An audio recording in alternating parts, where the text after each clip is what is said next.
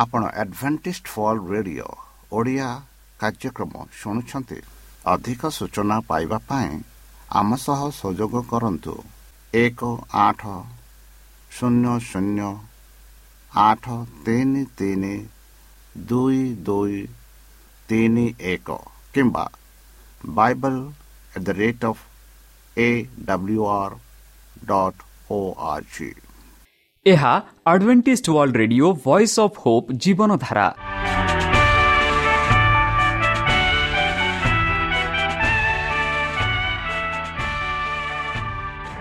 Odia radio କାର୍ଯ୍ୟକ୍ରମ ଯାହା ଆମର ଆନ୍ତର୍ଜାତୀୟ ଆଘାତ କେନ୍ଦ୍ରରୁ ପ୍ରସାରଣ କରାଯାଉଛି ପ୍ରତିଦିନ ରାତି ନଅଟା ତିରିଶ ମିନିଟ୍ରେ। ମୁଁ ସୁବ୍ରତ କୁମାର ପତି ପ୍ରେମର ସହ ଆପଣମାନଙ୍କୁ ଏହି କାର୍ଯ୍ୟକ୍ରମକୁ ସ୍ୱାଗତ କରୁଅଛି। ଚାଲନ୍ତୁ ଆଜିର ତିରିଶ ମିନିଟ୍ର କାର୍ଯ୍ୟକ୍ରମ ବିଷୟରେ ଜାଣିନେବା। ପ୍ରଥମେ ରଖିଛୁ ଆଧ୍ୟାତ୍ମିକ ଭକ୍ତିମୟ ଗୀତ। ଏହାପରେ ଶୁଣିବା ସ୍ୱାସ୍ଥ୍ୟ ବିଷୟରେ ଯାହା ଆମର ଦୈନିକ ଜୀବନରେ ଅତ୍ୟନ୍ତ ଜରୁରୀ। ଆଉ ପରିଶେଷରେ ଶୁଣିବା ପରମେଶ୍ୱରଙ୍କ ଭକ୍ତଙ୍କଠାରୁ ଜୀବନଦାୟକ ଈଶ୍ୱରଙ୍କ ବାକ୍ୟ। ପ୍ରିୟ ଶ୍ରୋତା ତାହେଲେ ଚାଲନ୍ତୁ ଶୁଣିବା ଏକ ଆଧ୍ୟାତ୍ମିକ ଭକ୍ତିମୟ ଗୀତ।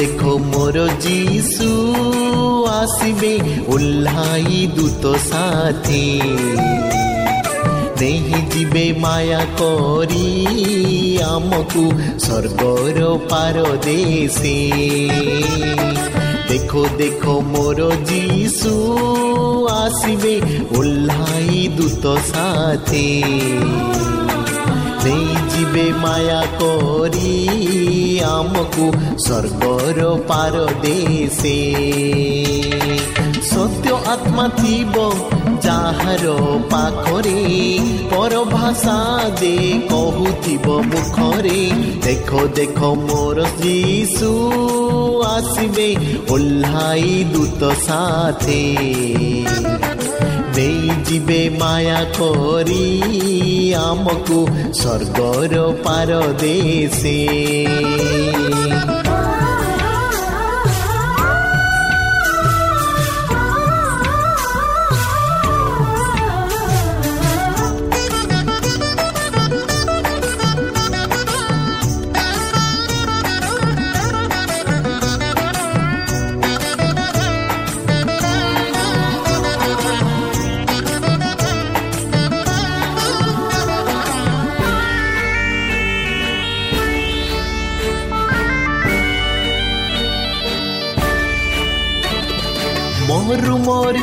মরিচিকা জগতে আসিবে তৃষিত পরাণ রহিতে, আসিবে মরু মরিচিকা জগতে, আসিবে তৃষিত পরাণ রহিতে, আসিবে জীবনর ঝর ঝরুচি ক্রুশরে, জীবনর ঝর, ঝরুচি ক্রুশরে, ক্লান্ত জনতা আসরে, জীবনর জল পাখে দেখ দেখ মোর যিশু আসিবে ওল্লাই দূত সাথে।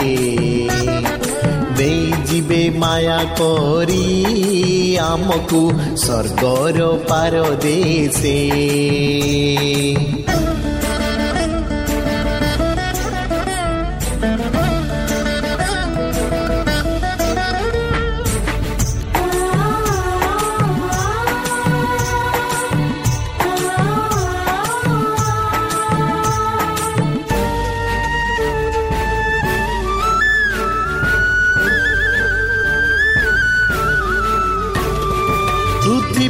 ଆକାଶ ଥରିବ ସେଦିନ ସବୁ ଜାତି କମ୍ପିତ ହେବେ ସେଦିନ ପୃଥିବୀ ଆକାଶ ଥରିବ ସେଦିନ ସବୁ ଜାତି କମ୍ପିତ ହେବେ ସେଦିନ ପ୍ରଭୁଙ୍କୁ ଦେଖିବେ ସହଚକ୍ଷୁରେ ପ୍ରଭୁଙ୍କୁ ଦେଖିବେ ସହଚକ୍ଷୁରେ ସବୁ ଜାତି ଆଣ୍ଠୁ ପାତି ସ୍ୱୀକାରିବେ ମୁଖରେ ଦେଖ ଦେଖ ମୋର ଯୀଶୁ ଆସିବେ ଓହ୍ଲାଇ ଦୂତ ସାଥେ ଦେଇଯିବେ ମାୟା କରି ଆମକୁ ସ୍ୱର୍ଗର ପାର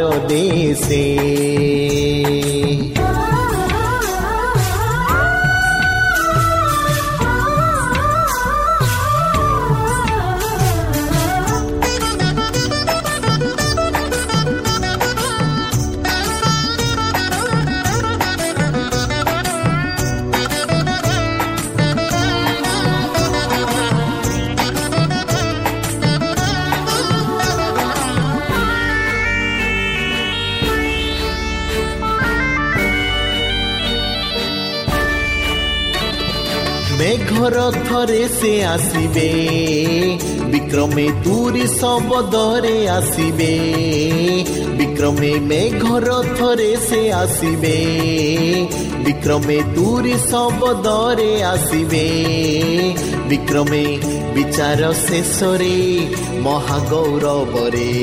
ବିଚାର ଶେଷରେ ମହାଗୌରବରେ ଭଲ ମନ୍ଦ ପ୍ରିୟ ଶ୍ରୋତା ଆମେ ଆଶା କରୁଛୁ ଯେ ଆମର କାର୍ଯ୍ୟକ୍ରମ ଆପଣମାନଙ୍କୁ ପସନ୍ଦ ଲାଗୁଥିବ।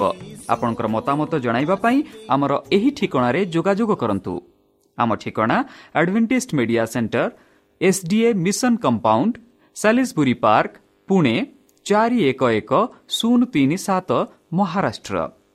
বা ଖୋଲନ୍ତୁ ଆମର ୱେବସାଇଟ୍ ଯେକୌଣସି Android phone smartphone desktop laptop କିମ୍ବା ଟ୍ୟାବ୍ଲେଟ୍ ଆମର website W W W dot A W R dot O R G slash O R I ଏବଂ W W W dot advantage media centre India dot O R G ବର୍ତ୍ତମାନ ଚାଲନ୍ତୁ ଶୁଣିବା ଈଶ୍ୱରଙ୍କ ଭକ୍ତଙ୍କଠାରୁ ଈଶ୍ୱରଙ୍କ ଜୀବନଦାୟକ ବାକ୍ୟ ହଜିଯାଇଥିବା ଏବଂ ମିଳିଲା ନମସ୍କାର ପ୍ରିୟ ଶ୍ରୋତା ସେହି ସର୍ବଶକ୍ତି ସର୍ବଜ୍ଞାନୀ ପ୍ରେମର ସାଗର ଦୟାମୟ ଅନ୍ତର୍ଜମୀ ଅନୁଗ୍ରହ ପରମ ପିତାଙ୍କ ମଧୁର ନାମରେ ମୁଁ ପାଷ୍ଟ ପୂର୍ଣ୍ଣଚନ୍ଦ୍ର ଆଉ ଥରେ ଆପଣମାନଙ୍କୁ ଏହି କାର୍ଯ୍ୟକ୍ରମରେ ସ୍ୱାଗତ କରୁଅଛି। ସେହି ସର୍ବଶକ୍ତି ପରମେଶ୍ୱର ଆପଣଙ୍କୁ ଆଶୀର୍ବାଦ କରନ୍ତୁ। ଆପଣଙ୍କୁ ସମସ୍ତ ପ୍ରକାର ଦୁଃଖ କଷ୍ଟ ବାଧା କ୍ଲେଶ ଓ ରୋଗରୁ ଦୂରେଇ ରଖନ୍ତୁ। ଶତ୍ରୁ ସଚେତନ ହସ୍ତରୁ ସେ ଆପଣଙ୍କୁ ସୁରକ୍ଷାରେ ରଖନ୍ତୁ। ତାହାଙ୍କ ପ୍ରେମ ତାହାଙ୍କ ସ୍ନେହ ତାହାଙ୍କ କୃପା ତାହାଙ୍କ ଅନୁଗ୍ରହ ସଦାସର୍ବଦା ଆପଣଙ୍କଠାରେ ସହବର୍ତ୍ତୀ ରହୁ। ପ୍ରିୟ ଛୋତା ଚାଲନ୍ତୁ। ଆଜି ଆମ୍ଭେମାନେ କିଛି ସମୟ ପବିତ୍ର ଶାସ୍ତ୍ର ବାଇବଲଠୁ ତାହାଙ୍କ ଜୀବନଦାୟକ ବାକ୍ୟ ଧ୍ୟାନ କରିବା। ଆଜିର ଆଲୋଚନା ହେଉଛି ହଜିଯାଇଥିବା ଏବଂ ମିଳିଲା ଯାହାକି ଆମେ ଇଂରାଜୀରେ କହୁଛୁ ଦ ଲଷ୍ଟ ଆଣ୍ଡ ଫାଉଣ୍ଡ ଭବିଷ୍ୟତ ଭକ୍ତ ଜିହିଜିକଲ ଚଉତିରିଶ ଏଗାର ବାରରେ ଏହିପରି ସେ କହନ୍ତି ସର୍ବୋତ୍ତମ ସଦାପ୍ରଭୁ କହନ୍ତି ମୁଁ ନିଜେ ମୋ ମେଣ୍ଢାମାନଙ୍କୁ ଖୋଜିବି ଏବଂ ସେମାନଙ୍କ ଯତ୍ନ ନେବି। ମେଘ ଓ ଅନ୍ଧାର ଦିନରେ ଯେଉଁ ସବୁ ସ୍ଥାନରେ ସେମାନେ ବିକ୍ଷିପ୍ତ ଥିଲେ ସେସବୁ ସ୍ଥାନରୁ ମୁଁ ସେମାନଙ୍କୁ ଉଦ୍ଧାର କରିବି। ପ୍ରଭୁ ବନ୍ଧୁ ପ୍ରଭୁଙ୍କ ଏତେ ପ୍ରେମ ଏତେ ପ୍ରେମ ଯେ ସେହି ପ୍ରେମକୁ ଆମେ ତୁଳନା କରିପାରିବା ନାହିଁ ଏତେ ଗଭୀର ସେ ଗଭୀରକୁ ଆମେ ମାପିପାରିବା ନାହିଁ ଏତେ ଉଚ୍ଚା ସେ ଉଚ୍ଚାକୁ ବି ଆମେ ମାପିପାରିବା ନାହିଁ। ସେ କହନ୍ତି ମୁଁ ନିଜେ ମୋ ମେଣ୍ଢାମାନଙ୍କୁ ଖୋଜି ଏବଂ ସେମାନଙ୍କୁ ଯତ୍ନ ନେବି। ସେମାନଙ୍କ ମେଘ ଅନ୍ଧାର ଦିନରେ ବା ଦିନ ରାତି ସେମାନଙ୍କର ଯତ୍ନ ନେବି। ସେମାନେ ବିକ୍ଷିପ୍ତ ଥିଲେ ସେମାନଙ୍କୁ ସେହି ସ୍ଥାନରେ ପହଞ୍ଚାଇବି। ସେସବୁ ସ୍ଥାନରୁ ମୁଁ ସେମାନଙ୍କୁ ଉଦ୍ଧାର କରିବି ବୋଲି ପରମେଶ୍ୱର କହନ୍ତି। ବନ୍ଧୁ ମୁକ୍ତିଦାତା ଈଶ୍ୱରଙ୍କ ପ୍ରେମ ଏବଂ ଦୟାରୁ ଆରମ୍ଭ ହୁଏ। ଏହା ପରମେଶ୍ୱରଙ୍କ ସନ୍ଧାନ ମାଧ୍ୟମରେ ଯେତିକି ଆସେ ସେତିକି ଆସନ୍ତି ନାହିଁ। ଯେତିକି ଏହା ପରମେଶ୍ୱରଙ୍କ ଆମକୁ ଖୋଜିବା ମାଧ୍ୟମରେ ଆସିଥାଏ। ବନ୍ଧୁ ଆମେରିକାର କେଉଁ ବ୍ୟକ୍ତି କୌଣସି ଜିନିଷ ହରାଇବା ନେଇ ନିରାଶ ଅନୁଭବ କରୁନାହାନ୍ତି ତେବେ ଏହାକୁ ପାଇ ଖୁସି ବ୍ୟକ୍ତି କରିଛନ୍ତି। ତେଣୁ ଆମେ ଲୁକ ପନ୍ଦରର ଆକର୍ଷିତ କାହାଣୀରେ ହୋଇଅଛୁ। ଏକାଠି ଅଧ୍ୟୟନ କଲେ ଏହି ଅଧ୍ୟାୟରେ ଥିବା କାହାଣୀ ଗୁଡ଼ିକ ଯୀଶୁଙ୍କ ସେବା ଏକ କ୍ଷୁଦ୍ର ଚିତ୍ର ଆଙ୍କିଥାଏ। ବାସ୍ତବରେ ସମଗ୍ର ଅଧ୍ୟାୟଙ୍କ ତାଙ୍କ ପ୍ରେମ ଏବଂ କୃପାର ଉଜ୍ଜଳ ପାଉଅଛୁ। ଏହା ଆରମ୍ଭ ହୁଏ ଯେତେବେଳେ ଯୀଶୁ ଟିକସ ସଂଗ୍ରହକାରୀ ଏବଂ ପାପୀମାନଙ୍କ ସହିତ ଭୋଜନ ଅଂଶଦାରୀ କରୁଛନ୍ତି। ସେତେବେଳେ ଫାରୁସୀମାନେ କାହାକୁ ପାପି ବୋଲି ବିବେଚନା କରୁଥିଲେ ଯିଏ ସେମାନଙ୍କ ନୀତି ଅନୁଆଇ ବଞ୍ଚିନଥିଲେ। ଯଦି ଆମେ ଲୁକ ପନ୍ଦର ଦୁଇ ପଢ଼ିବା ସେହିପରି ଦେଖୁଛୁ କି ବା ସ୍ୱାଗତ ଅର୍ଥ ହେଉଛି ଯୀଶୁ ଆୟୋଜନ ଥିଲେ। କାରଣ କାହା ସହିତ ଖାଇବା ସ୍ୱୀକୃତି କରିବା ତାହା ଈଶ୍ୱରଙ୍କ ଇଚ୍ଛା ଥିଲା। ମାତ୍ର ଫାରୁସି ଓ ଶାସ୍ତ୍ରୀମାନେ ଯୀଶୁଙ୍କୁ ଜଣେ ଅଧର୍ମ ବ୍ୟକ୍ତି ଭାବରେ ଦେଖୁଥିଲେ ପାପି ବ୍ୟକ୍ତି ଭାବରେ ଦେଖୁଥିଲେ। ବନ୍ଧୁ ଯୀଶୁ ଆହୁରି କହୁଥିବା ଦୃଷ୍ଟାନ୍ତ ମାଧ୍ୟମରେ ତାଙ୍କର ପ୍ରେମ ଏବଂ ଅନୁଗ୍ରହ ପ୍ରଦର୍ଶନ କରନ୍ତି। ପ୍ରଥମ ଦୁଇଟିରେ ଆମେ ଅଧ୍ୟୟନ କରିବୁ ଯେ ସେ ପରମେଶ୍ୱରଙ୍କୁ ଜଣେ ମେଣ୍ଢା ପାଲକ ଏବଂ ଜଣେ ମହିଳାଙ୍କ ସହ ତୁଳନା କରନ୍ତି। ତାଙ୍କ ସମାଜର ଦୁଇଟି ଗୋଷ୍ଠୀର ଲୋକ ଯେଉଁମାନଙ୍କର କୌଣସି ନାଗରିକ ଅଧିକାର ନଥିଲା ଏବଂ ଯେଉଁମାନଙ୍କ ଫାରୁସୀମାନେ ଘୃଣା କରୁଥିଲେ। ଆଉ ତୃତୀୟ ଉଦାହରଣରେ ସେ ଜଣେ ପୁତ୍ର ପ୍ରତି ପିତାଙ୍କ ଦୟାଳୁ ଆଚରଣ ବିଷୟରେ ବର୍ଣ୍ଣନା କରୁଛନ୍ତି ଯିଏ ଏପରି କାର୍ଯ୍ୟ କରେ ଯାହା କୌଣସି ଉପଯୁକ୍ତ ୟୁହୁଦୀ ପୁଅ କେବେ ବି କରିନଥାଏ। ବନ୍ଧୁ ଯୀଶୁ ତୁମମାନଙ୍କୁ ତାଙ୍କ ସହିତ ଭୋଜନ କରିବାକୁ ତାଙ୍କ ପ୍ରେମ ଏବଂ ତାଙ୍କ ଦୟା ତାଙ୍କ ଅନୁଗ୍ରହ ଅନୁଭବ କରିବାକୁ ନିମନ୍ତ୍ରଣ କରନ୍ତି। କ'ଣ ଆପଣ ସେହି ନିମନ୍ତ୍ରଣକୁ ଇଚ୍ଛା କରୁଛନ୍ତି କି? ଯଦି ଆମେ ପଢ଼ିବା ଲୁକ ତାର ପନ୍ଦର ଏକ ଟୁ ସାତ ସାତ ସେଠି ଆମେ ହଜି ଯାଇଥିବା ମେଣ୍ଢା ବିଷୟରେ ପାଉଅଛୁ। ଯୀଶୁ ଯେଉଁ ପ୍ରଶ୍ନ ସହିତ ଆରମ୍ଭ କରନ୍ତି ବନ୍ଧୁ ତାହା କେବଳ ଆମ ସମସ୍ତଙ୍କ ଅନୁଭୂତ ସହିତ ଜଡ଼ିତ ନୁହେଁ ବରଂ ଏହି ନିର୍ଦ୍ଦିଷ୍ଟ ପରିସ୍ଥିତିରେ ଆମର ନିଜ ପ୍ରତିକ୍ରିୟାକୁ ମୂଲ୍ୟବାନ ମୂଲ୍ୟାଙ୍କନ କରିବାକୁ ଆମକୁ ବାଧ୍ୟ କରେ।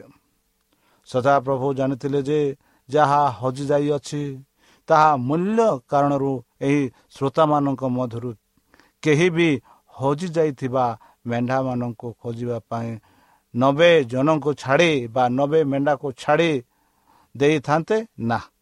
ଅନୁସନ୍ଧାନ ସମସ୍ୟା କିମ୍ବା ସ୍ୱଳ୍ପ ଅବଧିର ହୋଇନଥାନ୍ତା ବରଂ ଏହା ପରିଶ୍ରମୀ ହୋଇଥାନ୍ତା ଏବଂ ମୂଲ୍ୟବାନ ହଜିଯାଇଥିବା ମେଣ୍ଢା ମିଳିବା ପର୍ଯ୍ୟନ୍ତ ବିସ୍ତାର ହୋଇଥାନ୍ତେ।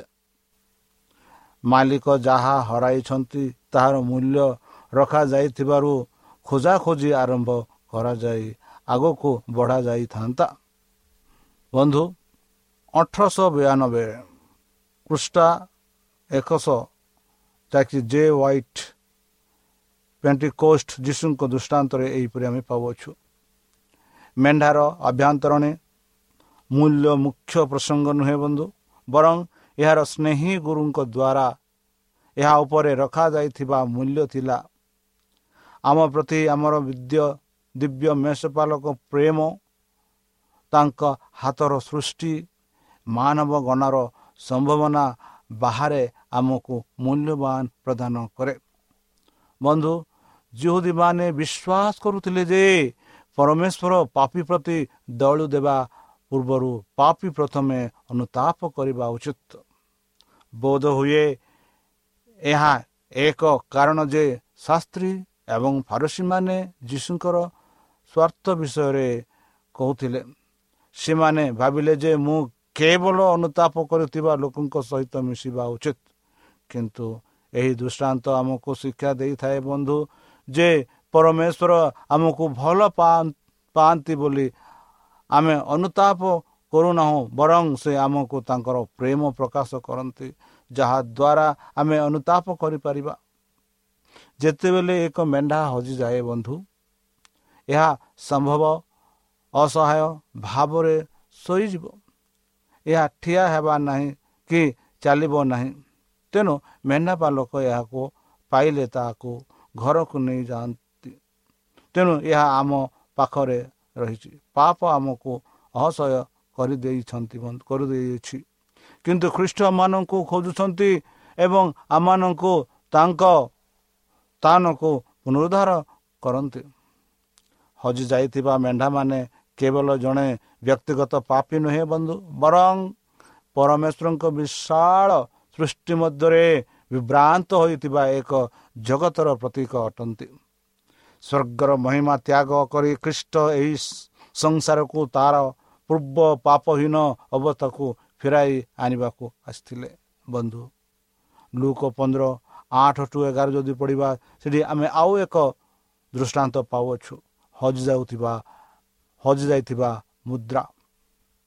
ବନ୍ଧୁ ହଜିଯାଇଥିବା ମେଣ୍ଢାମାନଙ୍କ ଭଳି ଆଉ ଏକ ଦୃଷ୍ଟାନ୍ତ କହି ଯୀଶୁ କାହିଁକି ପାପୀମାନଙ୍କ ସହିତ ଖାଇଲେ ତାହା ଶାସ୍ତ୍ରବିତ ଓ ଫାରୁସୀମାନଙ୍କୁ ଦେଖାଇ ଦେଖାଇ ଚାଲିଲେ।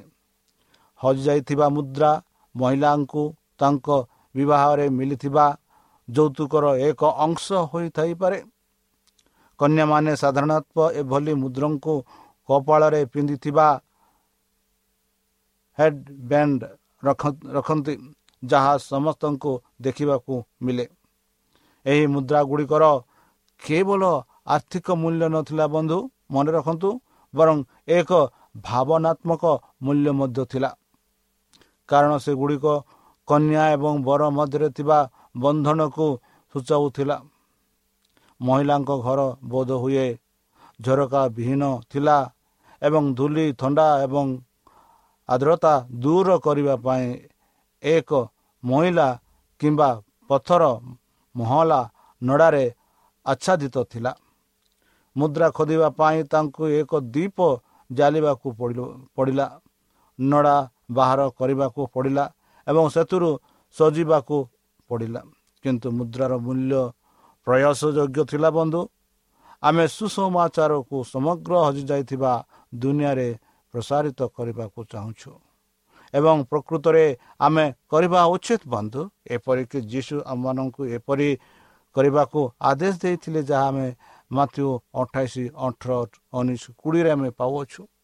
କିନ୍ତୁ କ'ଣ ଆମେ କେବଳ ବେଳେ ବେଳେ ଆମ ପରିବାରର ଖର୍ଚ୍ଚରେ ଏହି ଆଦେଶ ପାଳନ କରିଥାଉ କି ଟିକିଏ ମନେ କରନ୍ତୁ ବନ୍ଧୁ ଟିକିଏ ଚିନ୍ତା କରନ୍ତୁ। ଆମେ କ'ଣ ପରିବାରରେ ଜଣେ ବ୍ୟକ୍ତିଗତ ସଦସ୍ୟଙ୍କ ପାଇଁ ସମାନ ଚିନ୍ତା ଦେଖୁଛୁ ଯେପରି ଆମେ ସମଗ୍ର ଦୁନିଆରେ କରିଥାଉ। ପରିବାର ସଦସ୍ୟଙ୍କ ଭଳି ମୁଦ୍ରାଟି ପାଖରେ ଥିଲା ତଥାପି ଏହା ଘରେ ହଜିଯାଇଥିଲା ମହିଳା ତାଙ୍କ ହଜିଯାଇଥିବା ମୁଦ୍ରାଙ୍କୁ ନିଷ୍ଠାର ସହ ଖୋଜୁଛନ୍ତି। ତେଣୁ ପରିବାରରେ ଯଦି କୌଣସି ସଦସ୍ୟ ଈଶ୍ୱରଙ୍କ ନିକଟରେ ହଜିଯାଏ ତେବେ ତାଙ୍କ ଆରୋଗ୍ୟ ପାଇଁ ସମସ୍ତ ଉପାୟ ଅବଲମ୍ବନ କରିବା ଉଚିତ। ଅନ୍ୟ ସମସ୍ତଙ୍କ ତରଫରୁ କଠିନ ଯତ୍ନବାନ ଆତ୍ମ ପରୀକ୍ଷା କରିବାକୁ ଦିଅନ୍ତୁ। ଜୀବନ ଅଭ୍ୟାସର ଅନୁସନ୍ଧାନ କରାଯାଉ। ଦେଖନ୍ତୁ ପଚାରିଲା ପରିଚାଳନାରେ କିଛି ଭୁଲ ନାହିଁ। କିଛି ତ୍ରୁଟି ଅଛି କି ନାହିଁ ଯାହା ଦ୍ୱାରା ସେହି ଆତ୍ମା ଅସହାୟ ଭାବରେ ନିଶ୍ଚିତ ହୋଇଥାଏ। ବନ୍ଧୁ ଯଦି ପରିବାରରେ ଜଣେ ପିଲା ଅତ୍ୟତ ଅବସ୍ଥାରେ ଅଛନ୍ତି ତେବେ ପିତାମାତା ବିଶ୍ରାମ ନେବା ଉଚିତ ନୁହେଁ ନା? ନା। ମହାତ୍ମାବତୀ ଜାଲିବାକୁ ମହାତ୍ମ ମହାତ୍ମବତୀ ଜାଲିବାକୁ ଦିଅନ୍ତୁ। ଈଶ୍ୱରଙ୍କ ବାକ୍ୟକୁ ଅନୁସନ୍ଧାନ କରନ୍ତୁ ଏବଂ ଏହାର ଆଲୋକ ଦ୍ୱାରା ଘର ସମସ୍ତ ଜିନିଷକୁ କଠିନ ଭାବରେ ଯାଞ୍ଚ କରାଯାଉ। ଏହି ସନ୍ତାନ କାହିଁକି ହଜିଯାଇଛି ତାହା ଜାଣିବା ପାଇଁ ନିଜକୁ ପଚାରନ୍ତୁ ବନ୍ଧୁ ଯୀଶୁଖ୍ରୀଷ୍ଟ ଆଉ ଗୋଟିଏ ଦୃଷ୍ଟାନ୍ତ କହିଥିଲେ ସାନ ପୁତ୍ର ଲୁକ ପନ୍ଦର ଏଗାର କୋଡ଼ିଏ ବନ୍ଧୁ ଏହି ଦୃଷ୍ଟାନ୍ତ ଗୁଡ଼ିକ ମଧ୍ୟ ଈଶ୍ୱରଙ୍କର ପ୍ରେମ ଅଗ୍ରତ ଅଗ୍ରଗତିକୁ ଠାବ କରେ ପ୍ରଥମ ଆମେ ପରମେଶ୍ୱରଙ୍କର ମାପହୀନ କରୁଣା ଦେଖିଥାଉ ହଜିଯାଉଥିବା ଲୋକମାନଙ୍କ ପାଇଁ ସେ ତାଙ୍କର ସନ୍ଧାନ ସଫଳ ନ ହେବା ପର୍ଯ୍ୟନ୍ତ ପାପର ମରୁଭୂମିରେ ବହୁ ଦୂରରୁ ଅନୁସନ୍ଧାନ କରନ୍ତି। ମୁଦ୍ରାରୁ ଆମେ ଜାଣିବାକୁ ପାଇଥାଉ ଯେ ପରମେଶ୍ୱର ଜଣେ ପାପୀଙ୍କୁ ମଧ୍ୟ କେତେ ମୂଲ୍ୟ ଦିଅନ୍ତି।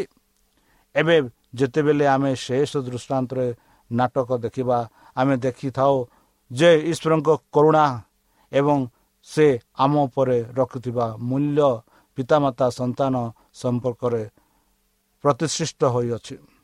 ଈଶ୍ୱର ହେଉଛନ୍ତି ମୋର ପିତା। ମୁଁ ତାଙ୍କର ସନ୍ତାନ। ସାନ ପୁଅ ଧନୀ ପରିବାରରୁ ଆସିଥିଲେ। ମଧ୍ୟ ନିଜର ଭାଗ୍ୟ ଖୋଜିବା ପାଇଁ ଅଶାନ୍ତ ଥିଲେ। ପାଲେଷ୍ଟାଇନ୍ ନିଜେ ଏକ ଗରିବ ଦେଶ ଥିଲା। ଯେଉଁଠାରେ ଦୁର୍ଭିକ୍ଷ ଏବଂ ବିଦେଶୀ ସୈନ୍ୟମାନେ ପ୍ରାୟତ୍ୱ ଆକ୍ରମଣ କରୁଥିଲେ। ବୋଧହୁଏ ଫାଲେଷ୍ଟାଇନ୍ ବାହାରେ ଥିବା ୟୁଦୀମାନଙ୍କର ରିପୋର୍ଟ ପୁଅର ଘରେ ଥିବାରୁ ସେମାନଙ୍କ ପ୍ରତି ଅସନ୍ତୁଷ୍ଟ ଆକୃଷ୍ଟ କରିଥିଲା। ତେଣୁ ବାପାଙ୍କ ମୂଲ୍ୟ ପରେ ତାଙ୍କର ଏକମାତ୍ର କ'ଣ ହେବ ବୋଲି ପଚାରି ବାପାଙ୍କୁ ଅପମାନିତ କରିବାର ସାହସ ତାଙ୍କର ଥିଲା। ନିଜ ସହ ଯୋଗ ଦେଲେ ଶୀଘ୍ର ବାକ୍ୟର ଅର୍ଥ ହେଉଛି ଏକାଠି ରହିବ। ନିରାଶ ହୋଇ ସାନ ପୁଅ ନିଜକୁ ଏମିତି ଜଣେ ବ୍ୟକ୍ତିଙ୍କୁ ବିକ୍ରି କରିଦେଲା ଯିଏ ତାଙ୍କୁ କେବଳ ଏପରି ଚାକିରି ଦେଇପାରିଲା ଯାହାକୁ କୌଣସି ସ୍ୱାଭିମାନ ଇହୁଦୀ ଗ୍ରହଣ କରିବାର ଉପଯୁକ୍ତ ନୁହଁ ବା କରିପାରିବେ ନାହିଁ। ଏକ ଜିହୁଦୀ ଅଭିଶାପ କହିଲା ଯିଏ ସ୍ୱାଇନ୍ ବା ଘୁଷୁରୀ ରଖୁଥିଲା ସେ ଅଭିଶାପିତ ହୁଏ। ଏପରି କରିବାର ଅର୍ଥ ହେଲା ଯେ ସେ ଅଶୁଦ୍ଧ ପଶୁମାନଙ୍କ ସ୍ପର୍ଶରେ ଆସିବେ। ବନ୍ଧୁ ଦୂର ଦେଶର ଜୀବନ ଏମିତି ଈଶ୍ୱରଙ୍କଠାରୁ ଦୂରତା ଅର୍ଥ ବର୍ଜ୍ୟବସ୍ତୁ ଚାହିଦା ଅବକ୍ଷୟା ଏହାର ସମ୍ପୂର୍ଣ୍ଣ ଏବଂ ଅନ୍ତିମ କାର୍ଯ୍ୟ ପାଇଁ ସମୟ ଲାଗିପାରେ କିମ୍ବା ଏହା ଭୟଙ୍କର ଦୃଢ଼ ଗତିରେ ଦ୍ୱାରାନ୍ତିତ ହୋଇପାରେ। କିନ୍ତୁ ଏହା ଶୀଘ୍ର କିମ୍ବା ବିଳମ୍ବରେ ଆସିଥାଏ ବନ୍ଧୁ। ତାହେଲେ ପ୍ରତୀକ୍ଷିତ ପିତା ଯାହା ଆମେ ଲୁକ ପନ୍ଦର କୋଡ଼ିଏରୁ ଚବିଶ ଦେଖୁଅଛୁ ଜଣେ ବୃଦ୍ଧାଙ୍କ ପାଇଁ ପାଦ ଭାଙ୍ଗି ଦୌଡ଼ିବା ଅସମ୍ମାନଜନକ ଥିଲା କିନ୍ତୁ ଏହି ପିତା ମର୍ଯ୍ୟାଦା ତ୍ୟାଗ କରିଥିଲେ। ପ୍ରଥମ କଥା କହିବା ପୂର୍ବରୁ ସେ ପୁଅର ବେକରେ ହାତ ପକାଇ ଚୁମ୍ବନ ଦେଇଥିଲା। ପୁରୁଣା ନିୟମରେ ଗୋଟିଏ ପରିବାରର ସଦସ୍ୟମାନେ ସାଧାରଣତଃ ପରସ୍ପରକୁ ଚୁମ୍ବନ ଦେଉଥିଲେ। ଯେଉଁଥିରେ ଜଣେ ବ୍ୟକ୍ତି ତାଙ୍କ ପୁତ୍ରକୁ ଚୁମ୍ବନ ଦେଉଥିଲେ। ଏବଂ ଆଲିଙ୍ଗନ ହେଉଛି ପୁନଃ ପୁନଃ ନିର୍ମାଣ ବା ପୁନଃ ମିନନ ଏକ କ୍ଲାସିକ ଅଭିବ୍ୟକ୍ତି। ବନ୍ଧୁ ପିତାଙ୍କ ଆନନ୍ଦ ଏତେ ଅଧିକ ଥିଲା ଯେ ଏଥିରେ କୌଣସି ବିଚାରଶୀଳ ଆତ୍ମା ବାଧ୍ୟ ପଡ଼ିଥିଲା। ଯୀଶୁଙ୍କ କଥା ଶୁଣି ଶାସ୍ତ୍ରୀ ଓ ଫାରସୀମାନଙ୍କୁ ତାଙ୍କ କାର୍ଯ୍ୟ କିପରି ଆଚର୍ଯ୍ୟ କରିଥିଲା ପୁଅଙ୍କୁ ଘରକୁ ଫେରାଇ ନେବା ପୂର୍ବରୁ ବାପାଙ୍କୁ ଅନୁତାପ ଓ ପରିବର୍ତ୍ତନର ପ୍ରମାଣ ଦରକାର ଥିଲେ ସେମାନେ ସନ୍ତୋଷ ସହ ମୁଣ୍ଡ ନୁଆଁଇଥାନ୍ତେ। ତଥାପି ପୁଣି ଥରେ ଯୀଶୁ ତାଙ୍କ ମୁକ୍ତିର ପ୍ରକୃତିକୁ ଏହି ମାଧ୍ୟମରେ ବର୍ଣ୍ଣନା କରିଛନ୍ତି। ବନ୍ଧୁ ଯେହେତୁ ତାଙ୍କ ମିଳିବା ପୂର୍ବରୁ ସେ ତାଙ୍କର ଉତ୍ତରାଧିକାରୀ ମାଗିଥିଲେ। ପୁଅ ଜାଣିଥିଲା ଯେ ତାଙ୍କ ପିତାଙ୍କ ଆଉ କୌଣସି ଜିନିଷ ଉପରେ ତାଙ୍କର ଅଧିକାର ନାହିଁ ଏବଂ ଯେହେତୁ ସେ ଜାଣିଥିଲେ ଯେ ତାଙ୍କ ଅନୁରୋଧ ତାଙ୍କ ପିତାଙ୍କ ସମ୍ପତ୍ତି ପାଇଁ ତାଙ୍କ ପିତାଙ୍କ ଅପେକ୍ଷା ଅଧିକ ଚିନ୍ତା କରେ। ସେ ଜାଣିଥିଲେ ଯେ ପିତାଙ୍କ ତାଙ୍କୁ ପ୍ରତ୍ୟାଖ୍ୟାନ କରିବାର ସମ୍ପୂର୍ଣ୍ଣ ଅଧିକାର ଅଛି। ତଥାପି ସେ ଜାଣିଥିଲେ ଯେ ଯଦି ସେ ତାଙ୍କ ପିତାଙ୍କ ସେବକମାନଙ୍କ ମଧ୍ୟରୁ ଜଣେ ହୁଅନ୍ତି ତେବେ ତାଙ୍କ ଠାରୁ ଖରାପ ହେବ ନାହିଁ। କିନ୍ତୁ ସେ ଏହାକୁ ପରାମର୍ଶ ଦେବାର ସୁଯୋଗ ପାଇନଥିଲେ ବରଂ ତାଙ୍କ ପିତା ତାଙ୍କୁ ଶ୍ରେଷ୍ଠ ପୋଷାକ ଦେବା ପାଇଁ ତତ୍ପର ହୋଇଥିଲେ ଯାହା କେବଳ ସମ୍ମାନିତ ଅତିଥିମାନଙ୍କୁ ମିଳିଥାଏ। ପିତା ତାଙ୍କ ଆଙ୍ଗୁଠିରେ ଯାହା ସମ୍ଭବତଃ ଏକ ଚିହ୍ନ ମୁଦି ରଖିଲେ ଯାହା କେବଳ ଅଧିକାର ଥିବା ଲୋକମାନେ ପାଉଥିଲେ ବନ୍ଧୁ ଆଉ ତାଙ୍କ ପାଦର ପିତା ଚନ୍ଦନ ରଖିଲେ ରଖିଲେ ଯାହାକୁ କେବଳ ମୁକ୍ତ ଲୋକମାନେ ଉପଭୋକ୍ତ କରୁଥିଲେ। ବନ୍ଧୁ ସେଥିମଧ୍ୟରେ ଆମେ ବଡ଼ ପୁଅଙ୍କ ବିଷୟରେ ଆମେ ଦେଖୁଅଛୁ। ବଡ଼ ଭାଇର କ୍ରୋଧ ଶାସ୍ତ୍ର ଓ ଫାରୁସୀମାନେ ଶାସ୍ତ୍ରୀୟ ଫାରୁସୀମାନଙ୍କ ମନୋଭାବ ପରି ଯୀଶୁ ସେମାନଙ୍କୁ କହନ୍ତି ପରମେଶ୍ୱରଙ୍କ ତାଙ୍କର ହଜିଯାଇଥିବା ସନ୍ତାନମାନଙ୍କ ପ୍ରତି ଥିବା ପ୍ରେମର ମହାନତ୍ଵକୁ ଦେଖ। ଏବଂ ଏହାକୁ ତୁମର ନିଜ ଆନନ୍ଦହୀନ ପ୍ରେମହୀନ ଧନ୍ୟବାଦହୀନ ଏବଂ ଆତ୍ମା ଧାର୍ମିକ ଜୀବନ ସହିତ ତୁଳନା କର। ବନ୍ଧୁ ଆମେ ଯଦି ସେହି ବଡ଼ ଭାଇ ପରି ହେବ ଯଦି ସେହିପରି ଆମେ ତୁଳନା କରିବା ଦେଖନ୍ତୁ ଈଶ୍ୱରଙ୍କ ପ୍ରେମ କେତେ ବଡ଼। ଏତେ ଉଚ୍ଚା ଆମେ କେବେ ହେଲେ ସେହି ପ୍ରେମକୁ କହିପାରିବା ନାହିଁ। ତାହେଲେ ତାହେଲେ ଚାଲନ୍ତୁ ସେହି ଯୀଶୁଖ୍ରୀଷ୍ଟଙ୍କୁ ନିଜ ଯୀଶୁଖ୍ରୀଷ୍ଟଙ୍କୁ ଠାରେ ବିଶ୍ୱାସ କରି ତାଙ୍କ କ୍ଷମା ନେଇ ତାଙ୍କ ଆଶୀର୍ବାଦ ପ୍ରାପ୍ତ ହୋଇ ତାଙ୍କ ନାମେ ଆମେ ପ୍ରାର୍ଥନା କରିବା। ହେ ଆମ୍ଭମାନଙ୍କ ସର୍ବଶକ୍ତି ସର୍ବଜ୍ଞାନୀ ପ୍ରେମର ସାଗର ଦୟାମୟ ଅନ୍ତର୍ଜମୀ ଅନୁଗ୍ରହ ପରମ ପିତା। ଧନ୍ୟବାଦ ଅର୍ପଣ କରୁଅଛୁ। ପ୍ରଭୁ ବର୍ତ୍ତମାନ ଯେଉଁ ବାକ୍ୟ ତୁମ ଭକ୍ତମାନଙ୍କୁ ଶୁଣାଇଲେ ସେହି ବାକ୍ୟ ଅନୁସାରେ ଏମାନଙ୍କୁ ଚାଲିବା ପାଇଁ ବୁଦ୍ଧିରେ ଜ୍ଞାନରେ ଶକ୍ତିରେ ପରିପୂର୍ଣ୍ଣ କର ଆମ ପାପ ସବୁ ତୁମ ସେହି ବହୁମୂଲ୍ୟ ରକ୍ତରେ ପରିଷ୍କାର ରୂପେ ଧୋଇଦିଅ। ଆଉ ପରିଶେଷ ଯେବେ ତୁମେ ତୁମ ସେହି ସହସ୍ରଦୂତଙ୍କ ସହ ଆସିବେ ସେତେବେଳେ ଆମମାନଙ୍କୁ ଏକ ବାସସ୍ଥାନ ଦିଅ ବୋଲି ତ୍ରାଣକର୍ତ୍ତା ପ୍ରଭୁ ଯୀଶୁଙ୍କ ମଧୁର ନାମରେ ଏହି ପ୍ରାର୍ଥନା କରୁଛୁ ଶୁଣିଗ୍ରହଣ କର প্রিয় শ্রোতা আমি আশা করুছ যে আমার কার্যক্রম আপনার পসন্দ লাগুব আপনার মতামত পাই আমার এই ঠিকার যোগাযোগ করতু আমার ঠিকা advantage media centre SDA mission compound সাি park Pune চারি এক এক শূন্য তিন সাত মহারাষ্ট্র বা ଖୋଲନ୍ତୁ ଆମର ୱେବସାଇଟ୍ ଯେକୌଣସି Android phone smartphone desktop laptop କିମ୍ବା ଟ୍ୟାବ୍ଲେଟ୍ ଆମର website W W W dot A W R dot O R G slash O R I ଏବଂ W W W dot advantage media centre India dot O R G advantage media centre ଇଣ୍ଡିଆର spelling ହେଉଛି A D V E N T I S T M E D I A C E N T R E I N D I A ଅଥବା download କରନ୍ତୁ ଆମର mobile app ଆପଣଙ୍କର mobile play ଷ୍ଟୋରକୁ ଯାଆନ୍ତୁ ଆଉ type କରନ୍ତୁ the voice of Hope ଆଉ download କରନ୍ତୁ ଈଶ୍ୱର ଆପଣଙ୍କୁ ଆଶୀର୍ବାଦ କରନ୍ତୁ ଧନ୍ୟବାଦ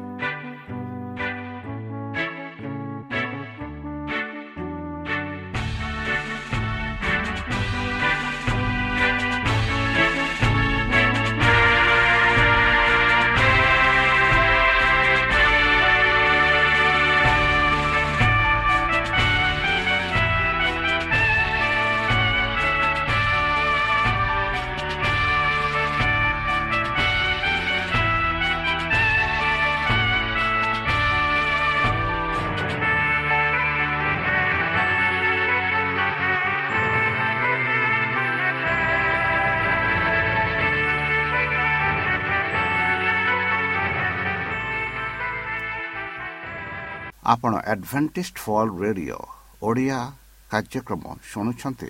ଅଧିକ ସୂଚନା ପାଇବା ପାଇଁ ଆମ ସହ ସଂଯୋଗ କରନ୍ତୁ। ଏକ ଆଠ ଶୂନ୍ୟ ଶୂନ୍ୟ ଆଠ ତିନି ତିନି ଦୁଇ ଦୁଇ ତିନି ଏକ କିମ୍ବା Bible at the rate of A W R dot O R G